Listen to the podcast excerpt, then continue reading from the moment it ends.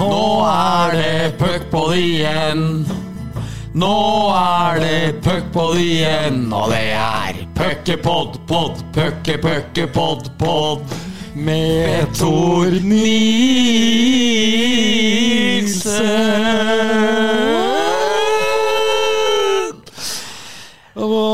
Man blir religiøs av mindre, var det ikke det du sa, Tor? Når vi satt og øvde her. Jo, det er, det er ikke så pene å se på, men gode til å synge.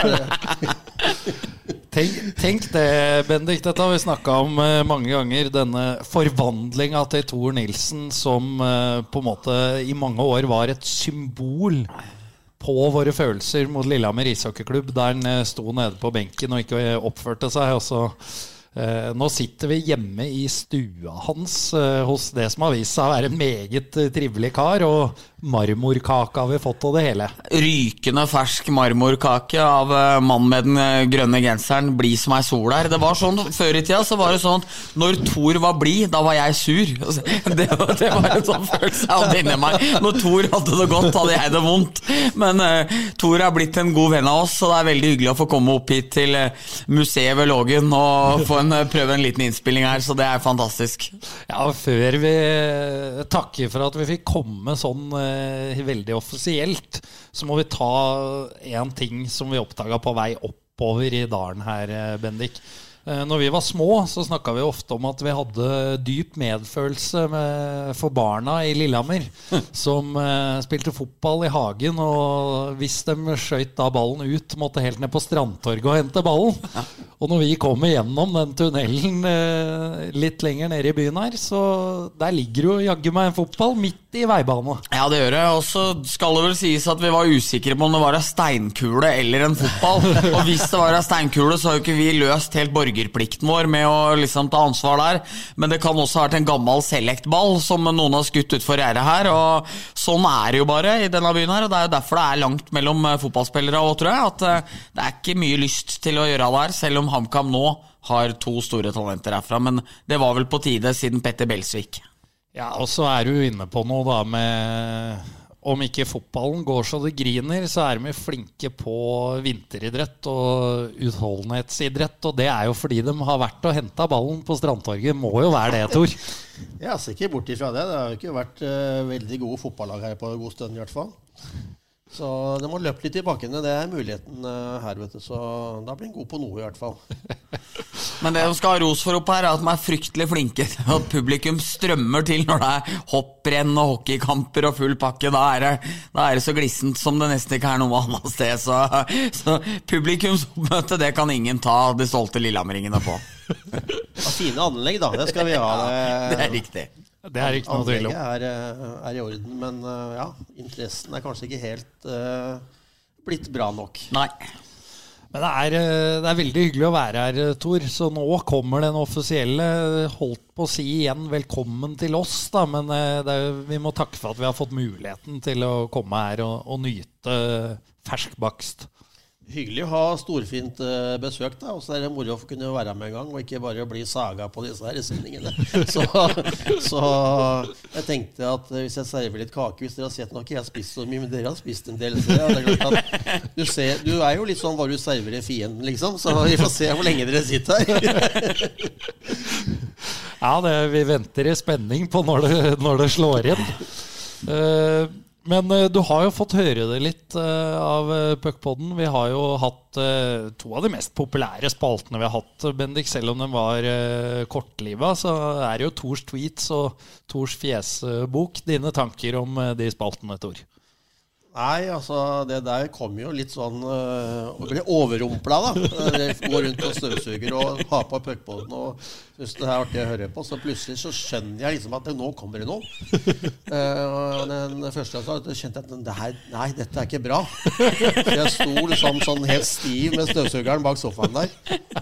Og når du da, Johansen, begynte å legge på musikk og sånn, og, og Bendik da leser opp noen sånne tørre Han har leta da i dagevis for å finne noen kjedelige meldinger. Jeg trengte ikke å lete lenge. Så tenkte jeg at nå må jeg steppe opp litt. grann. Nå må jeg jo vise at eh, jeg kan, da. Så da tenkte jeg at da tar jeg igjen litt. grann, Da. Det, Det, det har jeg gjort. Ja, for ha steppa opp gamet her, eh, Bendik. Ja. Altså, vi, vi får opplyse leser, nei, lytterne litt, da, for, eh, for de som ikke er på Twitter. Ja, det- før av det, det er jo I en av episodene her så kom det vel eh, Du begynte vel å røre noe om at eh, Marius Kvassheim, den tidligere Furuset og Manglerud-spilleren, hadde hevda at jeg sto med ei dobørste og lagde kokte pølser oppe på Hemsedal, eh, som ikke er sant. Eh, men eh, den har jo Thor da tatt til egen inntekt, så uansett hva han skriver på sosiale medier, så er det jo meg med dobørste et eller annet sted som holder på å servere pølser til folk. Og dette ble jo en føljetong som har gått på Twitter, som eh, vi har drevet litt på med. men vi er vel her oppe nå for å røyke litt eh, jeg holdt på å si fredspipe, men eh, en marmorkake på deling som blir vårt broderlige brød her, som gjør at vi avblåser denne for en liten stund. Men samtidig så har jo Thor uppa gamet òg, så vi har jo fått til noe her. Nå er det jo ren slakt når det er noe. Så, Jeg har vært eh, brutal den siste tida. Det- Vålinga fikk jo kjenne på det etter eh, kvartfinaleexiten. ja, de fikk eh, så hatten satt der, og det var ikke noe å lure på. Det var noen dommere som fikk her ved en anledning òg, så nei, jeg syns vi har det, det ble en dyr lærdom for Nilsen, men han har virkelig fått skole i hvordan være på Twitter.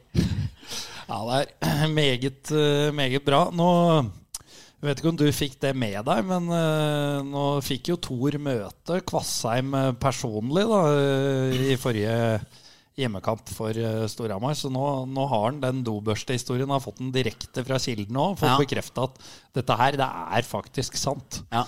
Ifølge Ja Kvassheim. da, han, og det må han det må han jo gjerne påstå, men det var så mye som skjedde på naturen med Furuset oppe i Hemsedal i våren 2013, var det vel. Og du kunne skrive en lang bok, og tror faktisk det hadde blitt en bestselger òg, men det der, det skjedde faktisk ikke. Nei. Jeg veit ikke om Kvassheim fortalte sjøl om at han brukte en rambukk og dundra gjennom ene døra og fikk et forelegg på 6000. Om, han- om han eh, la med den, eller, eller om den ikke var Hvis den ikke var med, så bør den jo ikke være med, liksom. Nei, den, eh, jeg tror ikke den var med. Nei, nei, skjønner. Men eh, jeg har jo også noen minner fra at du gikk inn i rollen som Darth Vader med et uh, lysstoffrør uh, utafor hytta der. Det kan stemme, Bennik? Det kan stemme. Men uh, mer om det senere. Ikke i denne poden, men kanskje en annen uh, pod. Ja.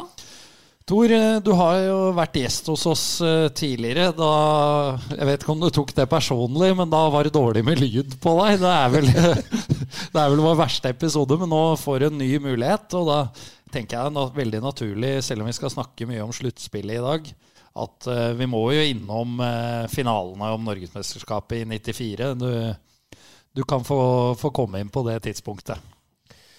Hver gang jeg sier noe, så blir det bare brukt imot meg etterpå. da. Men uh, nå er det dere som tar det opp. Nå får vi høre dette her, at det er dere som egentlig driver opp dette her. Nei, men det var jo Altså, det å bli norgesmester når du, når du driver med en idrett, så lenge det er jo stort. Det er noe alle drømmer om å gjøre når du leker på Løkka, spiller i gata. Så det å få vært med på det, jeg sa som jeg sa sist uten lyd, at det er jeg stolt av å ha vært med på. Spille på et godt lag og, og den opplevelsen der. Og i 94, da, med lokalderby, eh, så var det veldig spesielt etter OL der. Så den eh, finaleserien mot eh, Storhamar, den kommer jeg nok til å ha med helt ned i boksen. Det er minner som ikke blir borte. Som du får gåsehud av når du ser bilder og videosnutter og sånn. Ja, jeg så jo opp igjen den avgjørende goalen eh, nå tidligere i dag. Og det er jo et markeringsspill som er noe tynt, eh, Bendik. For det står jo to Lillehammer-spillere alene foran eh, Remo. Ja, det er liksom med, med myten så er det blitt at Remo slapp ei lefse fra Thor, liksom. Men eh, det er jo Det er mer å sette fingeren på der, hvis den skal være i det strenge øyeblikket. Men eh, nei, det er jo magisk. Det er en 28 år gammel goal. Man eh, driver fortsatt og prater om den, liksom. Det, er jo noe magisk med det. Så det er jo Merker at Thor er jo alltid, blir jo alltid litt bøs når vi prater om eh, den der serien her, så han, for, han fortjener den. Han fortjener den. Og han innrømte jo når vi kom her at han eh, nylig har satt opp nye plater på veggen. For egentlig så hadde han jo tapet-stillbilde av eh, situasjonen. Ja. Og, men han var redd Remo ikke ville like den, så derfor har han jo bytta litt nå. Jeg syns Rema har fått uh, ufortjent mye pepper for den der uh, sølvmedaljen deres i 94. Det som du så på de, dem som ser de bildene, så var det jo umulig å stoppe den der. Det var jo klasseskåring. Og, og de henter pucken der bak eget mål og dribler meg gjennom midtsonen med høyre-venstre-finter og støvsugere. Og, og hadde med meg to meter, eller to Bergseng-gutter som, som dro seg litt oppmerksomhet da, så det var vel Det var ikke så lett for Remo, det der. eh. Nei, Det var en herlig tid. Det må vi bare få lov til å være stolte av når han får oppleve det en gang i livet. Det er ikke alle som gjør det. Og på hjemmebane, overtid mot uh, den tida, altså erkefienden, det syns jeg på en måte er uh, Det er vanskelig å toppe den, ja. Det er det helt klart. Skal vi hoppe litt i nåtida, da, Bendik? Jeg tenker vi kan starte med kvartfinaliserien eh, Stavanger mot Sparta. To- Semi. Jeg sa kvart, jeg nå. Ja, ja, men. Jeg er enig i at det er semifinale, Ja. så jeg tar den. 2-2 Ja. står det i hvert fall. Det er vi enige om. Det er vi helt uh, klinkende enige om. Ja, det står 2-2 der. Det er jo match i Stavanger i kveld, så de fleste som hører den her, har vel, eh, vet vel at eh, det ene eller, laget, ene eller andre laget har vunnet, så nå leder eh, 3-2. Men det har jo vært fire intense matcher, fire veldig forskjellige matcher. Eh, der eh, Jeg syns Stavanger har totaldominert kampbildet i perioder. Det er jo to av kampene Sparta ikke hatt skudd i løpet av en hel periode, både i første og den andre. Eller Rost har et skudd fra rød i den første kampen, i den første perioden. Uh, og så syns jeg Sparta har vokst fryktelig inn i kampen. Fredagskvelden, Tor, når, når de vant i DNB, så de har minst puck, klart, men eh, de ligger veldig bra i ramma. Det blir ikke veldig farlig, det Stavanger kommer til. Så med de spillerne de hadde ute da, så syns jeg det var en utrolig sterk match. Men kanskje litt skuffende at de ikke var enda litt kvassere hjemme på søndagen. Ja, eh, enig i det. Og det eh, kamp én var Stavanger klart best, som du sier. Og Ja. også Det har vært jevne, tette og fysiske oppgjør, det også. Så, men uh, Sparta har funnet en måte å spille på som gjør det vanskeligere for Stavanger. Og Sparta er ikke bedre spiller for spillere enn Stavanger. Derfor må de finne noen knapper å trykke på. uh, som gjør at de har en sjanse til å vinne. og Det syns jeg de har klart å løse. Og det der litt lave presset til Stavanger som alle har snakka om i hele år, som er litt kjedelig og ditt og datt, det syns jeg Sparta har eh, klart å finne en måte å sage seg gjennom. Eh, og Så er det jo pasningskvaliteten og flyten som gjør hvor mye tid de får i angrepssonen. Men de har i hvert fall klart å demme opp for det greiene der og får ikke så mye brudd imot seg. Og da får de ikke så langt i egen sone. Så Sparta har uh, spilt taktisk smart, og så vil ikke dem tror jeg være i stand til spiller for spiller å ha pucken mest i de oppgjørene, men de må kanskje forsvare seg og slå litt unnifra. Og det har de gjort på en bra måte. Enig. Og så er det jo imponerende, jeg må jo si det òg, i og med at det er mye saging og glising og tull i den poden her. Men jeg må jo si at sånne spillere som Robin Sudski jeg synes har vært utrolig bra. Eirik Børresen går inn og kjøper rollen sin. Altså Det er mange spillere i Sparta som er Sander Thoresen. Ser jo faktisk ut som en, eh, som en som har enda mer å by på enn bare støvsugere og, og stå på venstresida og skyte direkteskudd. Så det var mange spillere som jeg føler stepper opp i enda større grad enn hva kanskje Oilers har hatt så langt, da, og det gjør at det fortsatt lever her. og Nå er det jo best av tre, da, men eh, jeg er litt, kanskje bitte litt redd på Spartas vegne, som har gått på litt færre folk og vært uh, sliten at vi får se i dag hvor mye energi de har igjen. Men uh, med seier i kveld så er alt mulig Sarpegas. Ja, får vel tilbake eh, Rost også til kamp eh, seks. Ja. Og på Nomarenko. Ja. Mens Hurrø er tilbake for eh, Vet jeg ikke hvor mye det har å si da for Oilers i dag, men eh, det er jo Jeg kan jo forstå at Sparta føler det litt urettferdig at han er inne igjen i dag, mens eh, Ja, særlig på Nomarenko, da. Jeg tror vel ikke jeg tror vel ikke, eller har vel inntrykk av at de ikke var veldig misfornøyd med at eh, Rost eh, kun fikk tre kamper for eh, situasjonen sin med Burton.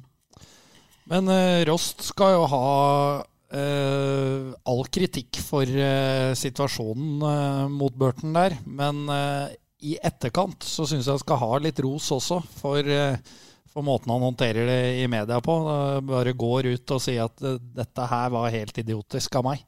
Og det, sånn skal vi ikke ha det. Det, det syns jeg er bra at man tar ansvar for det man har gjort, da, og ikke minst legger seg flatt. Jeg er veldig enig. Det hadde også, syns jeg, vært rart om en så rutinert spiller som Rost ikke hadde sett seg sjøl der òg. Altså, hvis han skulle vært uenig i at det var strengt, så ville det jo på en måte vært litt litt sånn karrieredrepende for personen han er utafor isen. Også. Men som du sier, absolutt eh, veldig bra at han gjorde det. Og han ønska vel ikke å si noe om saken så lenge det fortsatt var eh, under behandling og forhåndsprosedere sin egen sak. Men jeg er absolutt helt enig i at han er klar på det at det der hører ingen steds hjemme på en hockeybane, fordi han var vel i gåsetegn litt heldig som eh, bare fikk tre kamper òg.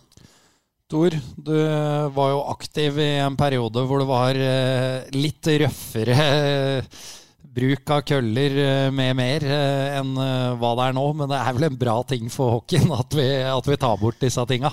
Det er jo det, og så er det litt sånn synd, for at uh, hockeyen er på sitt beste nå. Vi har venta på sluttspill i to år, og hallene fylles, og det er intensive, jevne, spennende matcher. Og så blir det litt sånn dårlig fokus, da. Uh, og den situasjonen der som skjer etter kampen, syns jeg også er totalt unødvendig. Det er jo egentlig Faggerud som starter den, sånn som jeg ser det. Han kommer med et økseslag som han ikke treffer en Stavanger-spiller, og så blir de forbanna, og så blir det litt knuffing, og så toppes det da med den den det, som Røst gjør da, så det er også fint at han beklager det etterpå og legger seg liksom helt flat. For vi kan ikke ha det på, Håkin.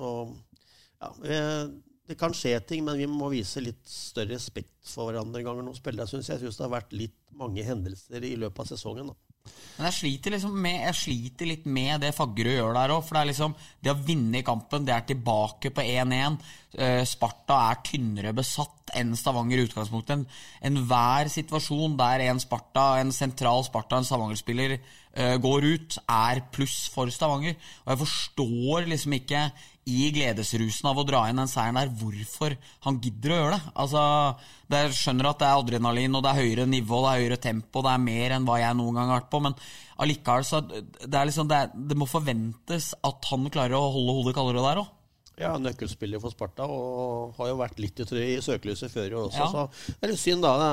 Veldig, Fagerud er veldig bra spiller, men der føler jeg at Sparta tapte mye på den eh, situasjonen der, da. Ja. Selv om de sånn, i serien har kommet greit ut etterpå. Men uh, det var jo noen Stavanger-spillere som også var ganske ville. Men, men det starter litt, eh, syns jeg, som du sier, Bendik, med at uh, Sparta burde ha vært mer opptatt av å være glad og vinne den kampen mm. og juble. Og så bare litt sånn dårlig smak. Men, uh, men ok, nå er det Nå er de ute av fengsel snart, og så får vi håpe at jeg sammenligner litt med den der filmen den ga den Slapshot. Der var det jo litt sånn ville tendenser. Men uh, det har jo ikke vært galt etterpå, så jeg tror nok at begge lag har snakka om det også. For disiplin er viktig. Ja, jeg skulle ønske det var mellomting. Altså Storhamar Stjernen føles utrolig tam. Stusslig kampserie. Det har vært mer snakk om isen i målgården enn eh, noen hendelser egentlig utpå der. Mens eh, den her har vært eh, litt overhøyoktan. Og hvis man på en måte kunne finne en mellomting mellom seriene, så tror jeg vi får hockeyen på det beste, både TV-messig og produksjon og, og kvalitet. Da. For det, den ene serien er litt tam, og den andre er kanskje litt i overkant. Ja, vi har jo vært inne på dette før. da, Nå nevner jo du, Tor, at det har vært en del eh, hendelser. Eh, og litt sånn er det dessverre for eh, norsk hockey. Eh, sier dessverre, for jeg syns på en måte hele tida Hvis hockeyen skal vokse, så må vi få slutt på, på huetaklinger, krysstakling mot huet, som det var i det tilfellet her. Altså disse totale rullegardinene hvor folk gjør feil valg. Eh, men jeg syns hele tida vi kommer tilbake dit, at det skjer uheldige ting som, som gjør at eh, jeg eller dere alle rundt sporten må forklare oss til eh, folk som ikke følger med på hockeyen. For de lurer på hvorfor er det sånn.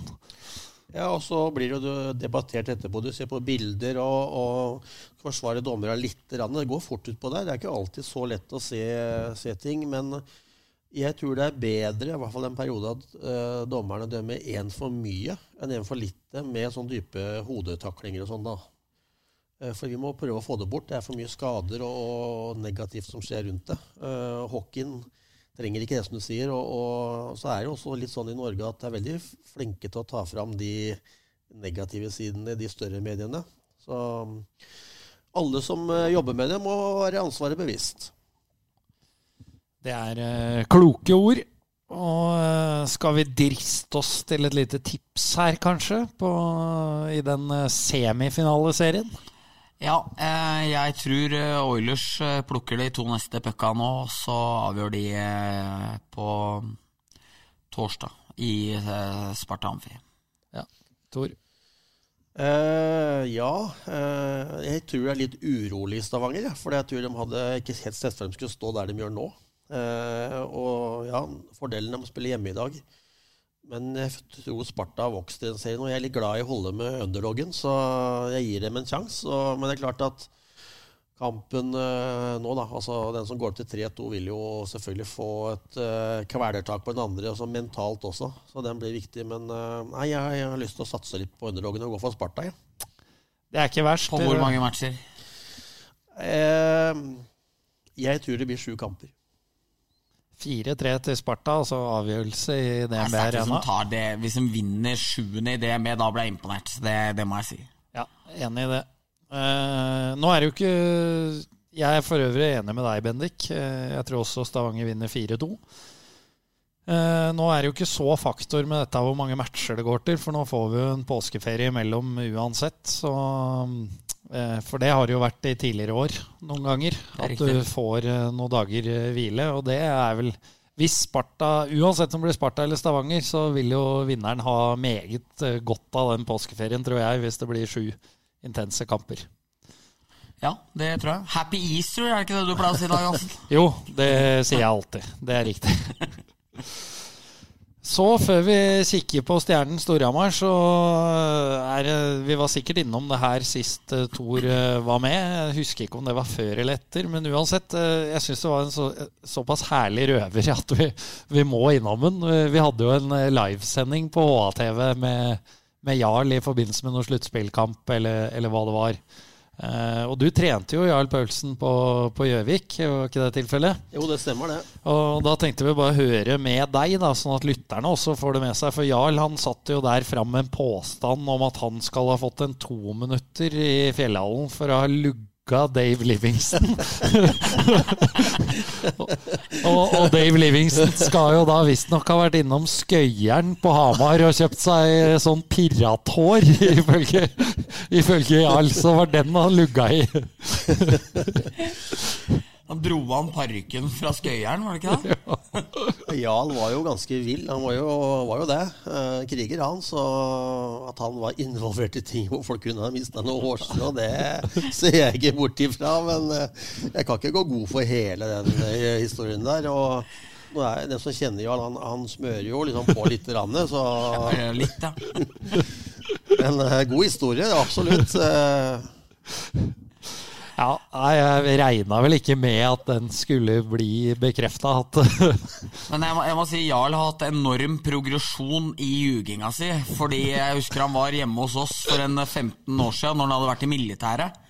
Og da skulle han liksom fortelle faren min hvor hardt det var. da Og da sa han at han hadde gått 14 mil i to meter høy nysnø. Altså, altså, han var så sliten når han kom i mål, så så det hang Grandiosa fra trærne. Jeg, jeg hallusinerte, var helt borte.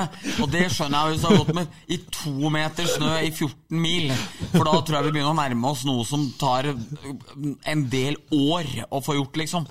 Så nei, så, så Jarl at den, den er liksom Den er ikke helt ettersjekkbar, men det, det er ikke mulig å oppnå på ni måneder oppe på GSV der. Men, men eh, at han skal ha lugga Dave Livingston, det er nok mer mulig, ja.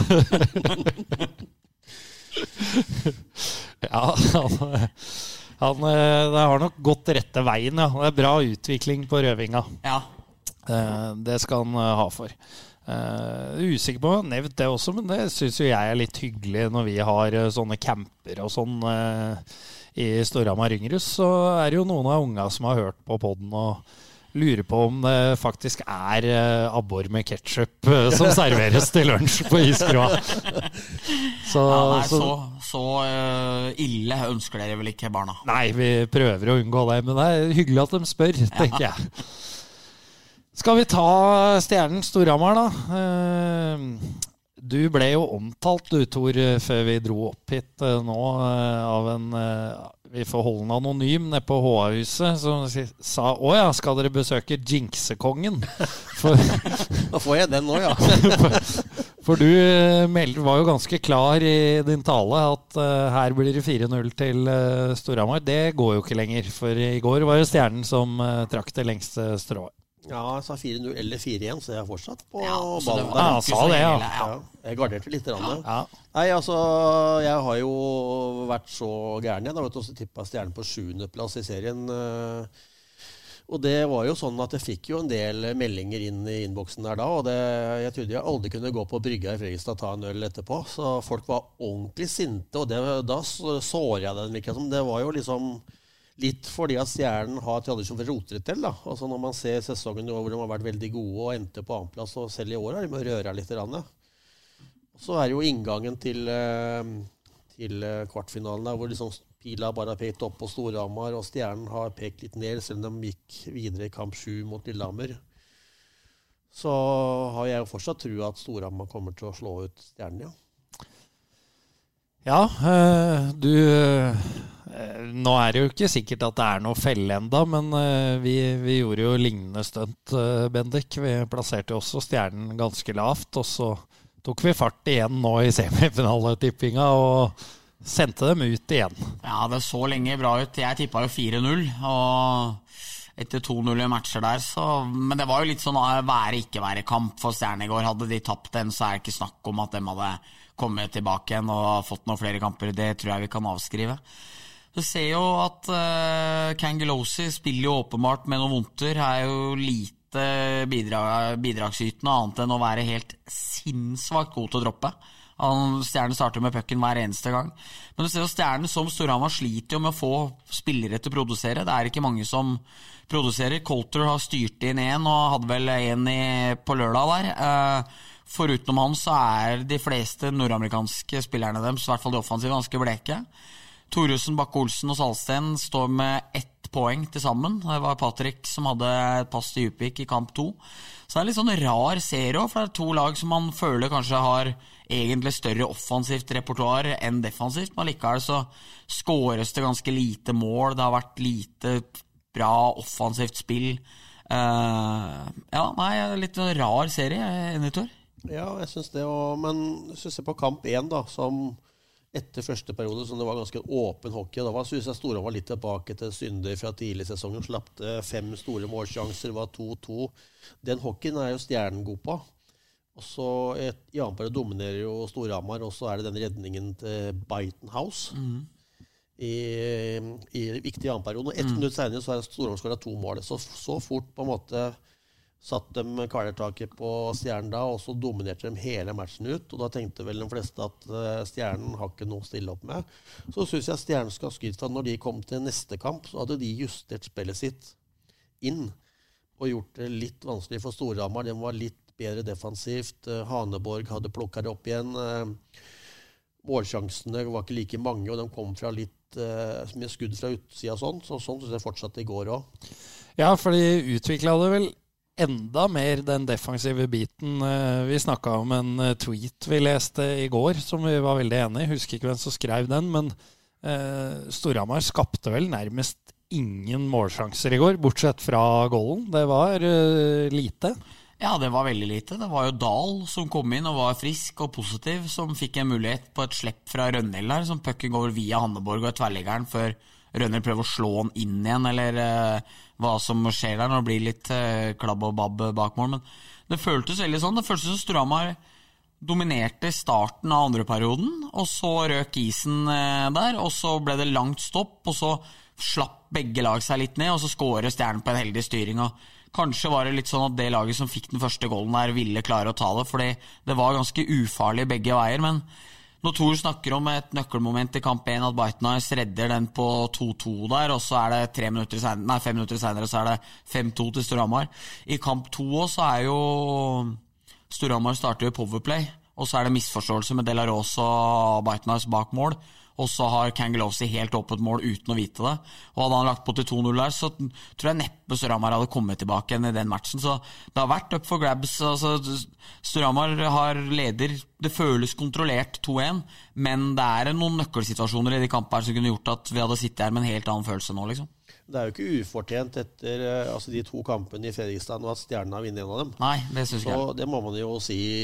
For at det har vært to litt sånn seige kamper kontra den første. Og så hadde man kanskje forventa at det skulle bli litt mer målsjanser òg. Men Stjernen skal jo da ha litt kreditt for at de har justert sitt spill. Eh, Storhamar har ikke, syns jeg, i de to siste kampene i Fredrikstad har vært flinke nok til å spille seg gjennom midtsonen, ta pucken inn, skape det trykket offensivt som de har muligheten til. Og Stjernen har ligget litt mer samla bakpå, men det er mulig å løse det med bedre. Jeg synes at der har Storhamar vært for dårlig til å flytte pucken, og bekkene har ikke treffet med førstepasningen, og så har det liksom blitt dårlig rytme, og så blir det mer kjemping enn spill.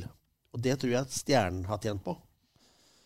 Et annet uh, viktig element da, i, i, gårsdagens kamp Nå husker jeg ikke om det var Erevik eller Ruben som påpekte men i, i starten av tredjeperioden der så har jo Storhamar mye puck, og de har kontroll på pucken offensivt, selv om det ikke skapes så mye sjanser.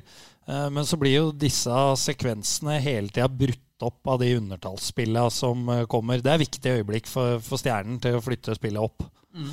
Og det var jo på Storhamar, og det var jo foruten den siste utvisninga at Scheidel er jo bare tull. Eh, det er jo ikke en utvisning, men det er jo urutinerte eh, litt dumme utvisninger Storhamar tar på dumme tidspunkt òg, når de på en måte trenger å skaffe seg momentum òg. Men så føles det også ut som i går at alle ønsker å holde pucken bitte litt lenger. Altså, Ser to ganger Skeidel har kjempemulighet til å få spilt opp på bekk når han drar med seg løperen inn.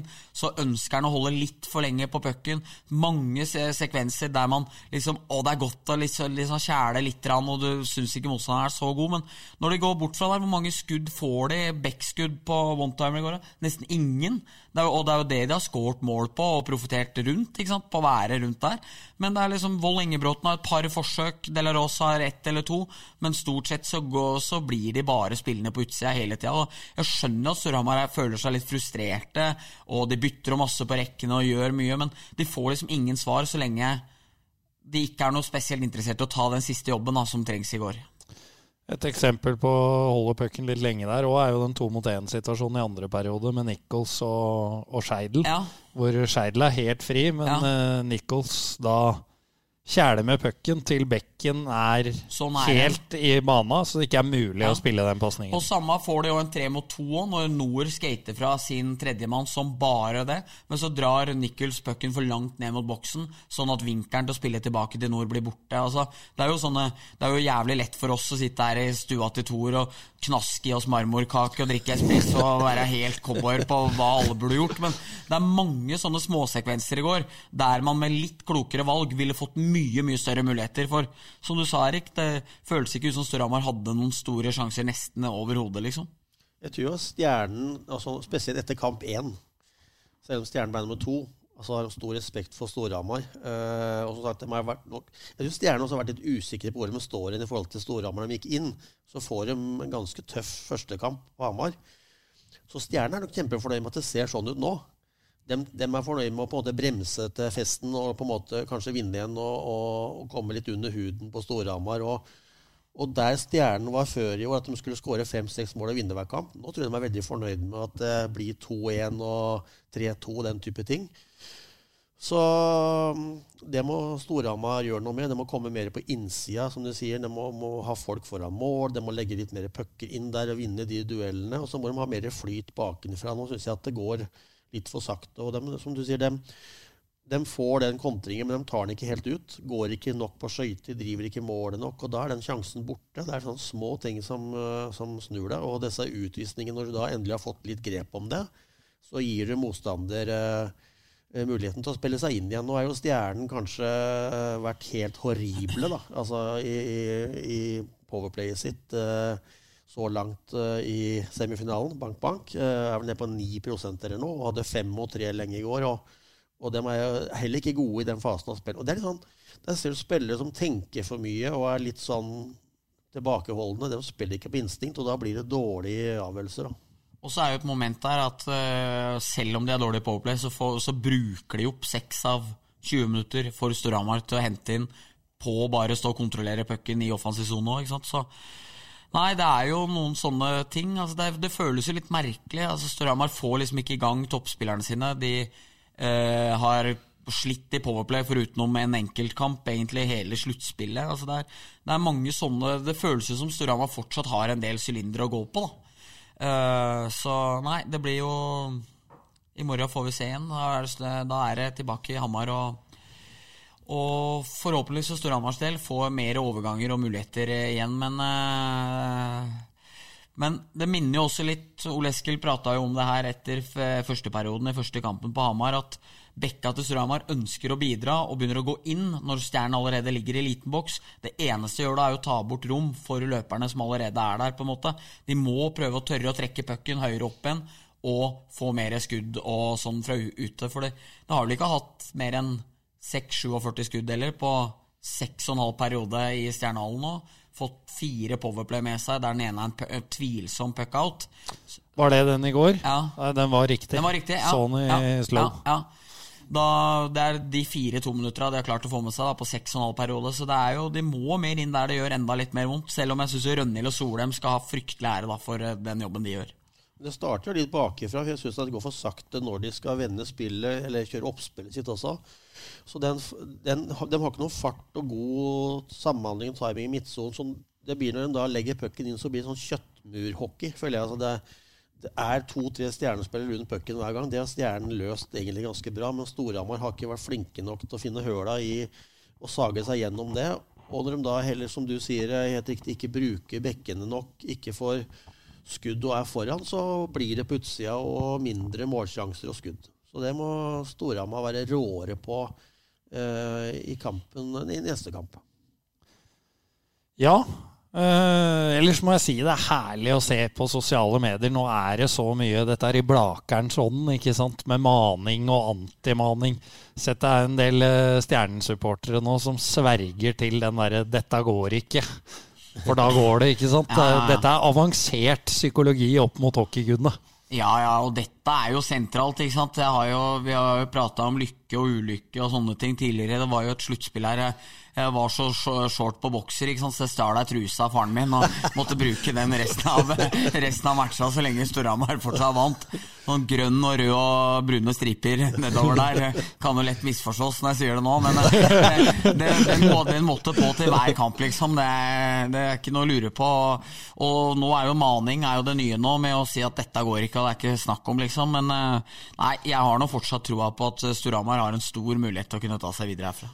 Ja, og så må jo folk huske, så det var noen som ble stramma opp for det, da, ved å ta litt av terminologien til Blakeren. Så er det altså, hvis du sier 'kjør', da, Storhamar, da ønsker du at Storhamar skal tape. Ja. Men hvis du ønsker at Storhamar skal vinne, da skal det være 'kjør'. Ja. Da er det to r-er. så hvis du er Storhamar-supporter, så må du si 'kjør', da, Stjernen. ja. Og, liksom litt sånn latterliggjøring og liksom sånn øh, Kjør da, pølse i vaffel. Altså liksom sånn, ikke sant? Det er, det er bly, liksom. Det er, få det bort, liksom. Ja. Og for Stjernen-supportere da selvfølgelig motsatt. Ja. Så jo det og så ble berømt i går på, på Twitter. At var vel noen unger i Stjernen som sto og spurte Storhamar-spillerne om de hadde traktor når de gikk av. Det er, Hver eneste. Har du traktor? Har du traktor? Det er pissing. ja, det er helt fantastisk. Jeg kan Det er- stikke inn det, da, at uh, siden jeg fikk en del sånne misfornøyde stjernefans inn etter å ha tippa nummer sju i serien, og den ble nummer to og når jeg nå sa det ble 4-0-4-1 i kamper, så var jeg en del som var ganske fornøyd med det. Så der treffer dere ganske bra. Nå syns de det er greit at jeg melder at de, at de ryker ut. Og det gjorde jeg også i kvartfinalen, for jeg tippa jo at Lillehammer kom til å slå Stjernen. Noe de da ikke gjorde, Ja. selv om de hadde 3-1. Så, så jeg har fått tommelen opp fra Fredrikstad, jeg nå. Så det blir brygga likevel. Er da Jarlsbo drev og tippa tabellene i forkant. Måtte for guds skyld ikke få Stramar for høyt opp, liksom, for da var det rett i bunnsjiktet der. Ja. Ja, da var det dårlig sesong i vente. ja da, det var Ja, men da lukter det, lukter en pils på brygga i Fredrikstad likevel, da, Tor. Skal prøve å få til det. Men jeg skal ha ryggen til veggen da, og sjekke hvor er nødutganger og sånn. Så det Og ha med bare lokalkjente. Det går vel bra. Ja.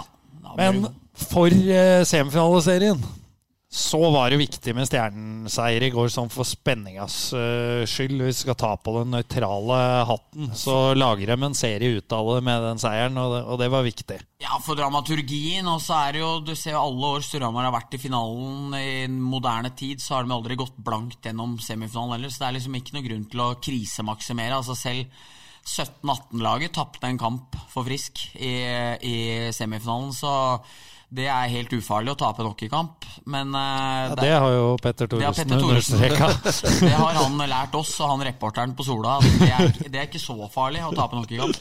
Så jeg tror jo ikke det er noe grunn for det. Men eh, nei, som du sier, det hadde jo vært litt stusslig for produktet om man skulle danse gjennom med to ganger 4-0, men det er ikke tema i det hele tatt. Så nei, det blir spennende å se i morgen. Og så må jeg si at Stjernen synes har fått jævlig løft av å få Ellis inn igjen. Eh, Brace var involvert i begge baklengsa på lørdag, men eh, allikevel, han holder i pucken, han gir dem en trygghet. Det er vanskeligere å sjekke enn eh, hva noen av de litt yngre bekka til Stjernen var. Og syns at de på en måte har fått dekka opp noen svakheter da, med å få inn han igjen. også. Eikrem Haugen syns jeg har vært veldig bra. Det er Gunnarsson er veldig bra, tar masse istid, er deltakende i begge deler av spillet. så det er jo ikke noe dårlig lag Storhamar møter. Det er jo lett å tenke det, men eh, det er det på ingen måte. Det er godt sagt, for at når eh, kamp gjengikk, så var det uten England Andersen og Ellis. Og nå har de fått tilbake Ellis, og han spiller mye, han tar mye istid. Og imponerte over eh, Kevin Davies. Ja. Har vel 30 minutter hver kamp. og så Stjernen er ikke noe dårlig ishockeylag. Eh, Pila pekte opp på Storhamar, kom godt inn. Stjernen på en måte litt sånn usikker, men det er en grunn til at det ble nummer to i serien. Eh, så skal ha stor respekt for det laget der. Og de, de har på en måte vunnet én nå. Det, det er, starter alltid med én. Det er kjedelig å si, men det er sånn det er. Og klart at nå skal vi reise til Hamar. og vinne Storhamar, så ser det jo veldig bra for Storhamar. Men vinner Stjernen, hvis de skulle rane igjen ja, der, så er det liksom eh, Vi har jo sett før at, eh, at lag har eh, hatt mindre puck og kanskje blitt spilt litt av banen, men likevel har gått av med en seier. Så det er det som gjør uh, sluttspillhockey så herlig, da. Det er det. Eh, før vi lar den serien eh, ligge og hoppe videre i programmet, så snakka vi litt før vi gikk på her. eh, vi var vel nesten ikke klar over det sjøl, selv om han har vært god. Men eh, vi fikk vel se litt i går hvor viktig Simen André Edvardsen er for dette Storhamar-laget. Ja, det, og det spurte jeg jo Anders Jøs om, og han sa jo det at han har vært veldig viktig for oss. Eh, Jeg regna på HA-børsen i går, før, vi, før jeg satte meg i bilen til Fredrikstad. Og det har vært mulig på de åtte kampene som har vært, så har det vært mulig å oppnå 24 poeng eh, hvis du har tatt trepoengere i alle. Og da så jeg at Evan Bitennice er jo den som har fått flest av oss, med 16. Men Edvardsen er jo spilleren etter, da, med 14, og Bresjak på 10. Og nå er ikke det noe fasit på hvem som er gode eller dårlige, men jeg synes jo det gjenspeiler jo ganske bra at Simen André har jo vært den soleklart beste offensive spilleren for Stramar så langt. Og det ville jo smerta Stjernen fryktelig i går om Colter ikke hadde kunnet spille òg, ikke sant. For der har jo Simen vært nå, at vi må prate han helt i det øverste sjiktet, så når Storhamar trøbla i går og bytta jo senteret opp og ned, begynte med Bakke-Olsen mellom Salsten og eh, Thoresen, så prøvde de Thoresen inn og Rønhild på kanten og Edvardsen, nei, og Eskil ned. Og det fant vel liksom ikke noe spesielt. Og så til slutt så var det vel Noer, Nichols og Thoresen, og Thoresen på vingen igjen. Så det var jo klart at hjertet i laget var jo faktisk borte i går, sånn, sånn det har vært i sluttspillet. Tor, eh, du nikker enig. Jeg må, før du slenger deg på resonnementet om Edvardsen, så må jeg bare spørre deg, syns du Bendik kler den eh, ydmyke kappa han liksom tok på seg nå, at HA-børsen ikke var noe fasit? For det er jeg ganske sikker på at han mener det er. Nei, det gjør det jo ikke. Det er jo bare å følge med nok sendinger det, og Twitter og sånn, så ser vi det at det detter fort av. Nei, men eh, det, det der med å dele ut bestemannspremier og, og stjerner og sånn, det er vanskelig. Jeg synes hvis du ser, Bare spol litt kjapt tilbake til kvartfinaliserien med Vålerenga, som var en tøff, tett batalje. så Ta spillere som Andreas Øksnes, Mats Moster Larsen, som ikke har snakka seg veldig mye om. De syns jeg var veldig gode i den serien. Viktige bidragsytere i Storhamar-laget. Simen André Edvardsen var eh, kanskje den beste løperen sammen med Eirik Salsten. Så det er ikke alltid at det er liksom Skeidel, Nichols, Thoresen, de som på en måte man tenker altså det, De spillere er viktige. Og det syns jeg vi så litt i går. Jeg er enig med resonnementet ditt. Og jeg tror jo at uh, Stormar skal merke at han er borte, for han uh, spiller med et høyt gir hele tida. Ja, vi får se eh, hvor fort uh, Simen er uh, tilbake. Det, Sykdom. det er sykdom, og det er mye rykter uh, på bygda. I- Bare i dag, på de tre timene jeg hadde i ishallen før vi dro opp hit, så hørte jeg alt fra at han hadde én buse i nesa, til at det var korona. Så Den som lever, får se. Jeg tviler på at det er én buss i nesa, for han har ikke stått over en kamp med verken skade eller sykdom på A-laget på seks år, så jeg har blitt overraska hvis han har funnet den ene bussa og syns det er for hardt nå. Så tror jeg ikke får lov av Tom Rune å gjøre. Nei, jeg tror heller ikke det er tilfellet. Men det var litt for å sette det i perspektiv. Det er mye rykter, så får vi, får vi se. Men dette også er sluttspillet, for serien er annerledes. Den foregår så lang tid. Hvis du får sykdom i laget eller får noen nøkkelspillere skada, så endrer liksom så mye seg så fort fra den ene kampen til noe annet. Nå tror jeg Storhamar skal håndtere det bra eh, uten Edvardsen. Det mener jeg den bør gjøre.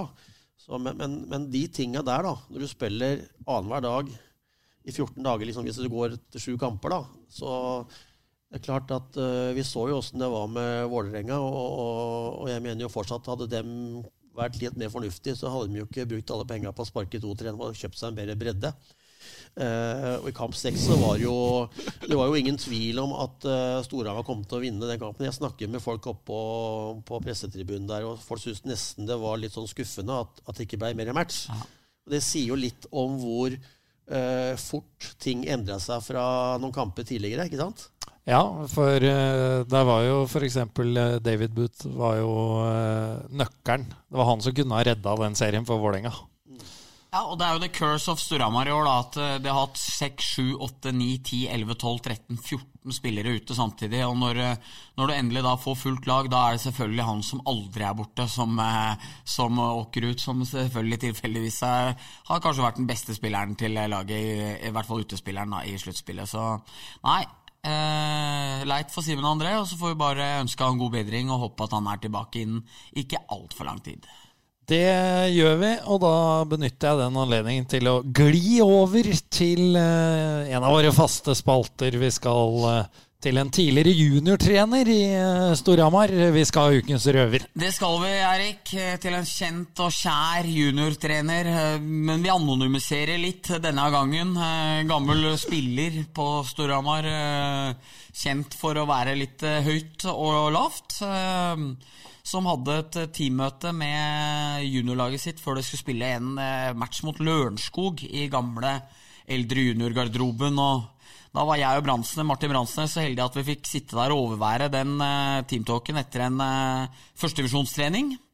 Og da begynner jo treneren med å liksom uh, fortelle litt om at han sjøl tok ansvaret og måtte roe seg og måtte være sentral for laget, og laget fikk det beste ut av han hvis han var rolig. og og så begynte han litt sånn, og så sier han sånn Og da må vi, det er rolleaksept. Da må vi forstå det. Da må vi kjøpe inn rollene. Da må vi skjønne det at Børresen og Christer Evensen dem kan drille. Dem kan gjøre som de vil. Det er, det er verdt det. Det er verdt risikoen. Og så ser han på en annen, så kan vi kalle han for eksempel uh, Goggen, da. Så sier han Men du, Goggen! Du kan ikke det! Og hvis det er så inn i helvete vanskelig for deg å forstå, så får du fly opp i Furuberget med kart og kompass og, le, og lete etter vanntårnet. Og da, ikke sant? Rett etter at du har tatt den til om at uh, alle må liksom akseptere roller av sjøl og sånne ting, da.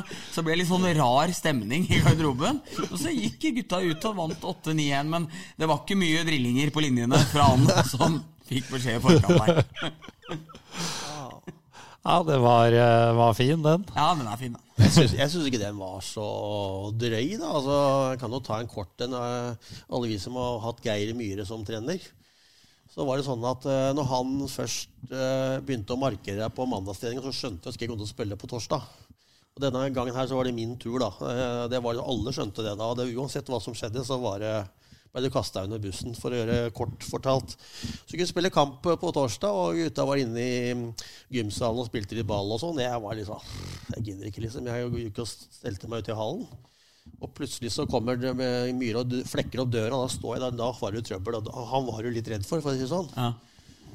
Så sier han til meg at uh, Tor Nilsen, kom her. Kimo Meki Kokkela var en finsk spiller vi hadde på den tida. Så sier han Kimo Meki Kokkela han er skada. Han kan kanskje yte 50 da er du nesten like god. Skal gå og få en sjanse. Gå og kle på deg. så, så, det er måter å si ting på som, som trener. Jeg tenker Du må jo kjenne troppen din og enkeltspillere. Hvilke knapper skal du trykke på til hvem? Og så var vel kanskje Geir kjørte vel kanskje samme stil på alle, ut fra hva jeg har hørt? Ja da, han gjorde det. Men når det er sagt, også, han var fantastisk trener. For han var veldig dyktig taktisk og vi var veldig godt for alle visste hva de skulle gjøre. Så absolutt den beste treneren, men han var, han var røff, og han sparte ikke på noe når det var, eh, var uh, tilbakemeldinger han ikke var fornøyd med. Så fikk du beskjed, for å si det sånn. Men det aksepterte for vi vant jo kamper. Og det tror jeg er litt sånn vi er med noen trenere. For du, du tar imot den litt ærligheten, da. Ikke sant? Og så er det selvfølgelig en grense på det, men uh, jeg syns jo Myhre var fin når vi uh, Det berømte det må jo tilbake til NM-finalen igjen. Altså bare Jeg får muligheten her kommer du inn i garderoben etter vi da det er champagne og full jubel, og så sier han jeg er den eneste treneren som har vunnet NM uten keeper, sier han. og i andre enden sitter Mattis Håkensen. Og han var faktisk god. Han var eh, veldig god både i sluttspillet og serien. Så han hadde jo et glimt og en eller annen sa ting, men da kjøper du det, liksom. Men var det Myhre som var den første treneren som sa det er jo blitt en floskel med tida, men var det ikke han som sa første gangen at dem har dårlig keeper, dem òg? Jo, det, det, har han jo. Ja, han Det var så dårlig keeper, han, liksom. ja, jeg, kunne ha, jeg vet ikke hvor lang tid dere har, men jeg kunne jo tatt et par til der. Og, men ja, vi får kanskje spare noen. Ja. Nei, men det er jo gått over, mer over på Bekker, det nå, i, i hvert fall i min tid som spiller. Ja. Uh, dårlig Bekker, dem også. Før hver match er det alltid en løper som sier det. Ja, de har dårlig Bekker, dem òg, gutta. det, er, eh, det er, gjelder å bygge opp gutta. Men jeg tror du har rett i det, Tor. Det er jo mye, du svelger jo mye mer fra lederen din i medgang. Uh, er du i motgang og får de hårfønera, så er jo treneren verdens største idiot. Så er jo hockey og elite litt spesielt. Du snakker jo ikke til folk på butikken hvordan som du gjør på en, uh, under spillebenken i, i, en kamp. For da er det intensivt, det går fort, du skal ta raske valg, gi raske tilbakemeldinger. og det er jo en takhøyde der, ikke sant. Så, men det er klart det er alt uh, skal jo balanseres litt, da. Men uh, jeg tror hockeyspillere tåler ganske mye. Det kunne jo vært interessant å se den uh, retorikken som er, kan være fra en trener eller mellom uh, medspillere i en kamp. Uh, ja, si under varestablinga på Kiwi, da. Ja, og tenk, og tenk på Joker på søndagskvelda. Altså, da kjenner jeg det sjøl. Altså, sitter sånne uinteresserte ungdommer bak der og gir faen. Du har jo lyst til å bare måke neven i bordet og si 'våkne opp, da, din jævla kokos', liksom. Men du kan jo ikke gjøre det. Ja, jeg jobber jo under et visst tidspress som trener når, når, matchen går, så du må være rask. Ingen, ingen, tvil om det. Skal vi kanskje rulle videre, da, Bendik? Du skal på is til 1300, og nå er den 12.03. Ja. Og vi er seks mil nord for Sesamfi.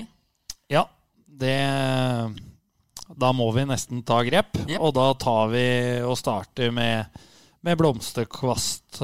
Vær så god, Tor blomsterkvast, det er jeg jo nødt til å gi til jeg sier, eh, Altså, Når du sitter og ser det er HamKam, på en måte, så har uh, fotballkamp seriestart hjemme, og så er det eh, rett etterpå så er det kamp i Fredrikstad. Og så er det stinn brakke begge steder, og hele Storhamar-svingen er fulgt opp. Og det vi har sett i kvartfinalene med oppmøte av den berømte Storhamar-fyren og publikum med ny publikumsrekord, så er jo det rett og slett bare å misunne for andre å, ta etter. Så det tenker jeg er verdt en blomsterkvast, at de støtter opp om laga sine og kommer på kamp. da.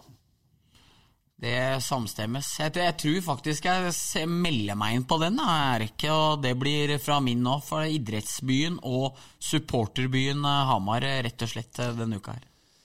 Helt uh, enig. Det, det, er moro å se. Uh, ja. Jeg uh, skal gi til Magnus Smeby, jeg faktisk, som en bekk på Storhamar 2, som endelig da tilsto Han var mistenkt i 2017 for å ha stjålet smågodt fra dattera til André Paulsen under en dobbeltkamp i Stavanger. Uh, har jo nekta hardnakka på dette hele veien. Uh, valgte å tilstå på et vorspiel uh, nede i kjellerstua mi nå for ikke så lenge sida. Og lojal som jeg er, så rapporterte jeg jo direkte til bøtesjef André Paulsen om det. Så han, eh, men han har innrømt det. Han har tatt sin straff. Måtte kjøpe 1,5 kilo smågodt til dattera til André. Og fikk i tillegg en klekkelig bot, og endte da også med å måtte kjøpe marsipankake fra en konditor. Så de to bitene han tok med smågodt i 2017, det endte altså opp med å koste et sted mellom 1000 og 1500 kroner. Så, så det, det er røft, men eh, stort gjort at han innrømte det. Ja, enig. 600-700 kroner biten. Da begynner det å bli brukbart. Det er trøfler. Da må det være marmorkake av den klassen her. Altså. Ja, jeg er helt enig. Kanskje han skal spørre deg neste gang han får eh, kakestraff, uh, Tor. Det kan han gjøre. Skal, hjelper alltid folk i nøden, vet du. Det er bra. Ja, vi går til eh, kaktusen. Tor, da fyrer du løs der også. Kaktus. eh, Da tror jeg jeg skal ta opp inn Jeg snakka litt med Bendik her. Vi sender noen hyggelige meldinger til henne innimellom, ikke bare sånn på Twitter. Men jeg kan engasjere meg voldsomt i ting som jeg syns er urettferdig og feil. Og den derre regelen som ikke er noe glad i ishockey, den derre goalie interference, den syns jeg sklidde ut litt. og nå er det snart ikke lov nå for en uh, offensiv spiller å knekke seg inn på mål og prøve å score. Du skal liksom svinge ned i rundvante, og hvis du er borte keeperen, så skal du bli utvist. Til og med på breakaway har det, har det skjedd. Uh, og jeg mener jo at keepere er såpass godt beskytta. Altså, det er ingen som går inn for å kjøre over keeperen når du har sjanse til å skåre mål. Da prøver du å knekke deg inn for å dytte den pucken i mål. Og så ender det med en del situasjoner som jeg syns keepere også overspiller. De er godt polstra utpå der. Så jeg syns de er uh, jeg syns det er litt for mye av det. Og når folk da skal begynne å forsvare det, så skal du få en kaktus av meg hele bunten. Fordi at uh, det, snakke om sikkerhet og sånn, som jeg skrev der altså, det er som å sitte, Da sitter de sikkert på Stenaland med to og doble flytevester på seg også. Så sikre skal de være. Altså, keeper er jo ikke laga av glass. Det må jo være lov å gå inn foran mål. Og når vi sitter der og snakker om Storhamar-spill og kanskje være mangler, så er det nettopp det. Gå inn på mål. Folk må få lov til å knekke seg. Vi vil ha skåringssjanser, vi vil ha offensiv hockey. Og da må det være lov å gå inn der. Og det er ingen som går inn der med å kjøre over keeperen. Altså, da, du, da har du så dårlig ferdighet, da spiller du ikke på det nivået her. Nei, Det er jo folk som har gjort det historisk sett, kjørt over keepere, altså. Men øh, jeg er enig. Da får du heller plukke de, da. De som gjør det, som gir bånn gass og kjører inn i keeperen. Og dem er det mulig å skille ut. Så er det vel et paradoks også at du, som du sier, hvis du er på breakaway litt skrått, så blir du, du blir faktisk utvist for interference, selv om du Pucken er jo der. Ja, så kan du høre med han der i angriperen om han syns det er vondt å knekke seg rundt bekken og inn på første stolpe, for det er ganske vondt. Det er, det er kanskje mer synd på han. Så jeg syns at de offensive spillerne må få litt igjen for det trekket der. Og vi må ikke ta bort det av hockeyen, for det er et viktig moment. Uh, og vi veit hvor kjedelig det er når det er liksom døde kamper og folk spiller på utsida og det er sånn bomullhockey. Det er ikke noe særlig. Bendik, vær så god. Ja, takk. Eh, jeg skal gi til eh, Fredrikstad eh, og kommunen, og som fortsatt ikke har fått ut fingeren, og hjelper Stjernen med en ny hall. Det er altså så jævlig kummerlig der. Kjører opp et boligfelt, fint svaberg. all honnør til det. villastrøk og fint så kommer du opp på parkeringa der. Det er grusvei, hølete, jævlig vei. Altså, jeg kjører HA-bil, altså jeg driter i understellet på bilen. Det har ikke noe å si for meg, det. Men, men, men altså, det er alt Det, det, det føles som man er tilbake på 70-tallet. Du går gjennom et gammelt styrkerom for å komme ut til ei pressetribune uten internett. Skal ha kred for god kaffe og fine vafler.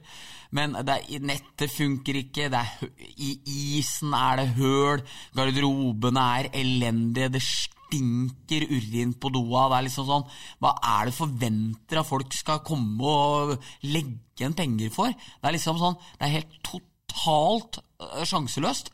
Her har du et av Norges beste lag i Norges største øh, halvidrett, og så er det et rått rottereir uten like, den hallen her. Altså, den er så utgått på dato for 20-30-40 år siden.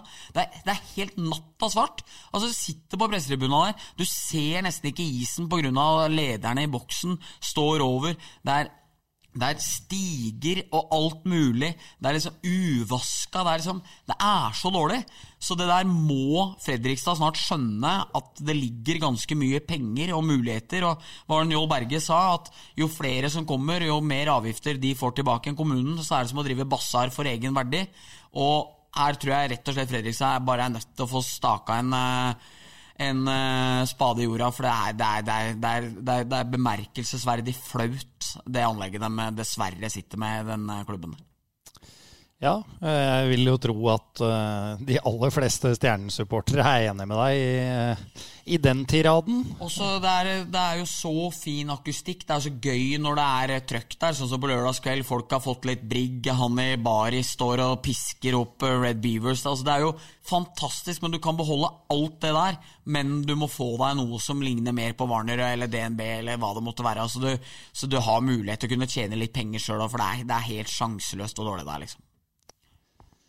Ja, tar du det, det var, ikke, var, ikke, så verst dette der, Tor. Eller ble det litt lunk på panna hans Nei, eh, bortpå der? Nå er han i gang igjen. Det er godt å se at den er tilbake. Den Marmorkaka begynner å virke.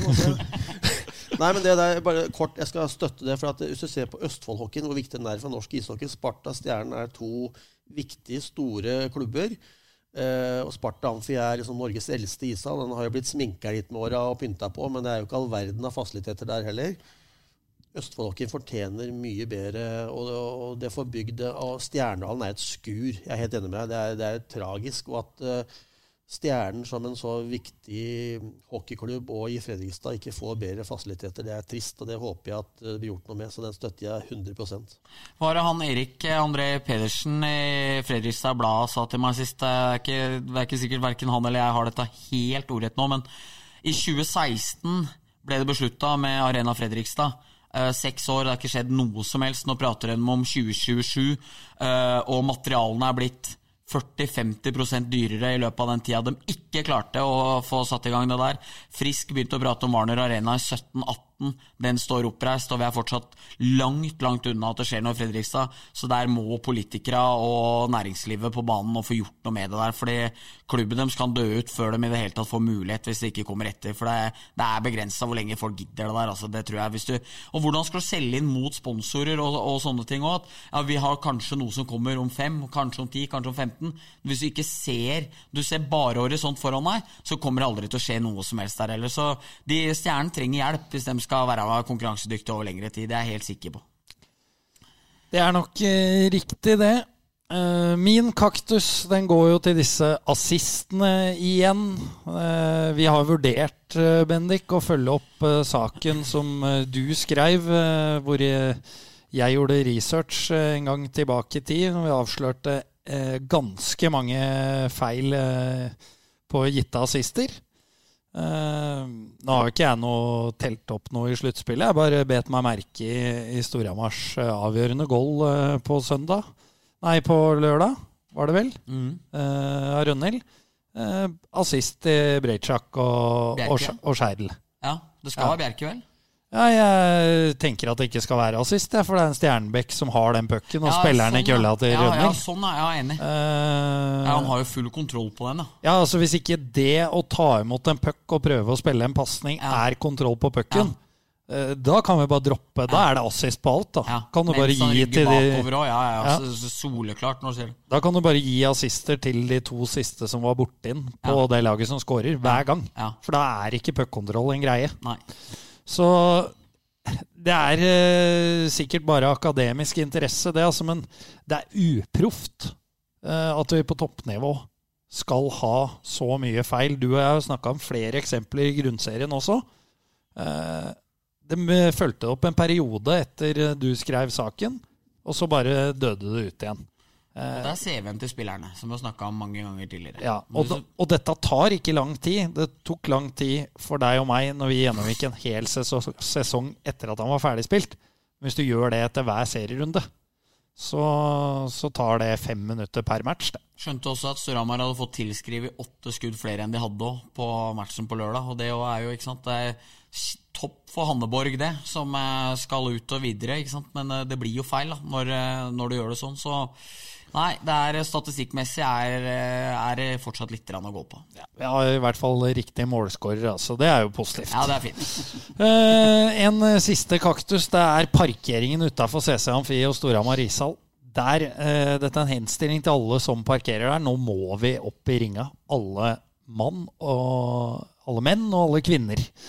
Vi, Alle hender.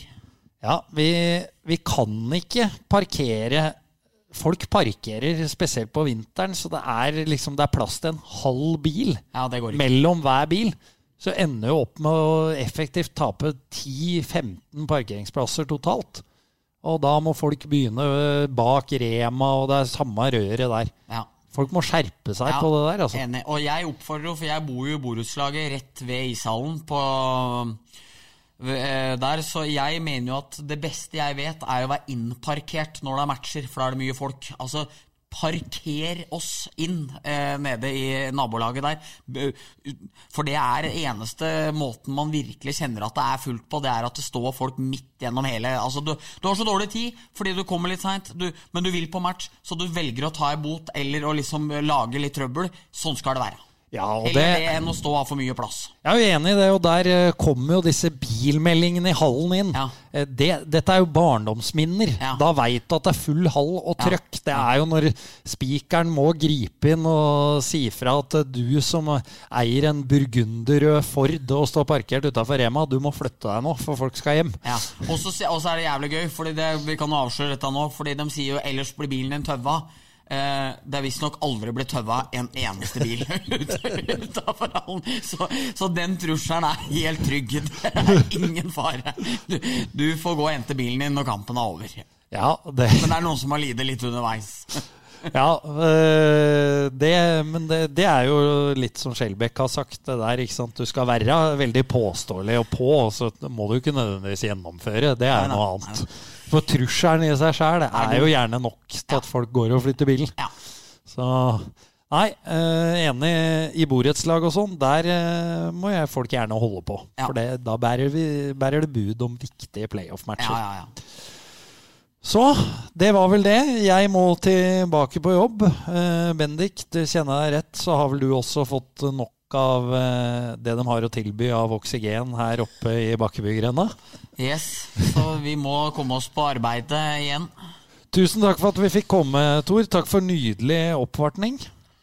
Hyggelig å få lov til å være her og ikke bare bli saga på avstand. Så det var jo moro, det. Og Hyggelig at vi fikk ta med radioen vår opp til deg. Ja, så egen DJ og radio, det syns jeg er bra, Bendik. At du jeg holdt på å svare på den parkeringa di. Men er det ikke sånn at det blir en del parkeringer ledig hvis du fortsetter å grille i sommer? For da blir vel en del hus revet bortover der. Får en den på slutten. Nei, det var veldig hyggelig, gutt. gutter. Så vi vil oppfordre folk til å stemme oss litt opp igjen på iTunes og på iPhone-appen og det ene med de andre tinga, og spre det gode ord om puckpodden, så blir det enda mer, enda hyppigere på gjensyn. Eh, det blir det da, på Enøyer. Det er ikke gjensyn.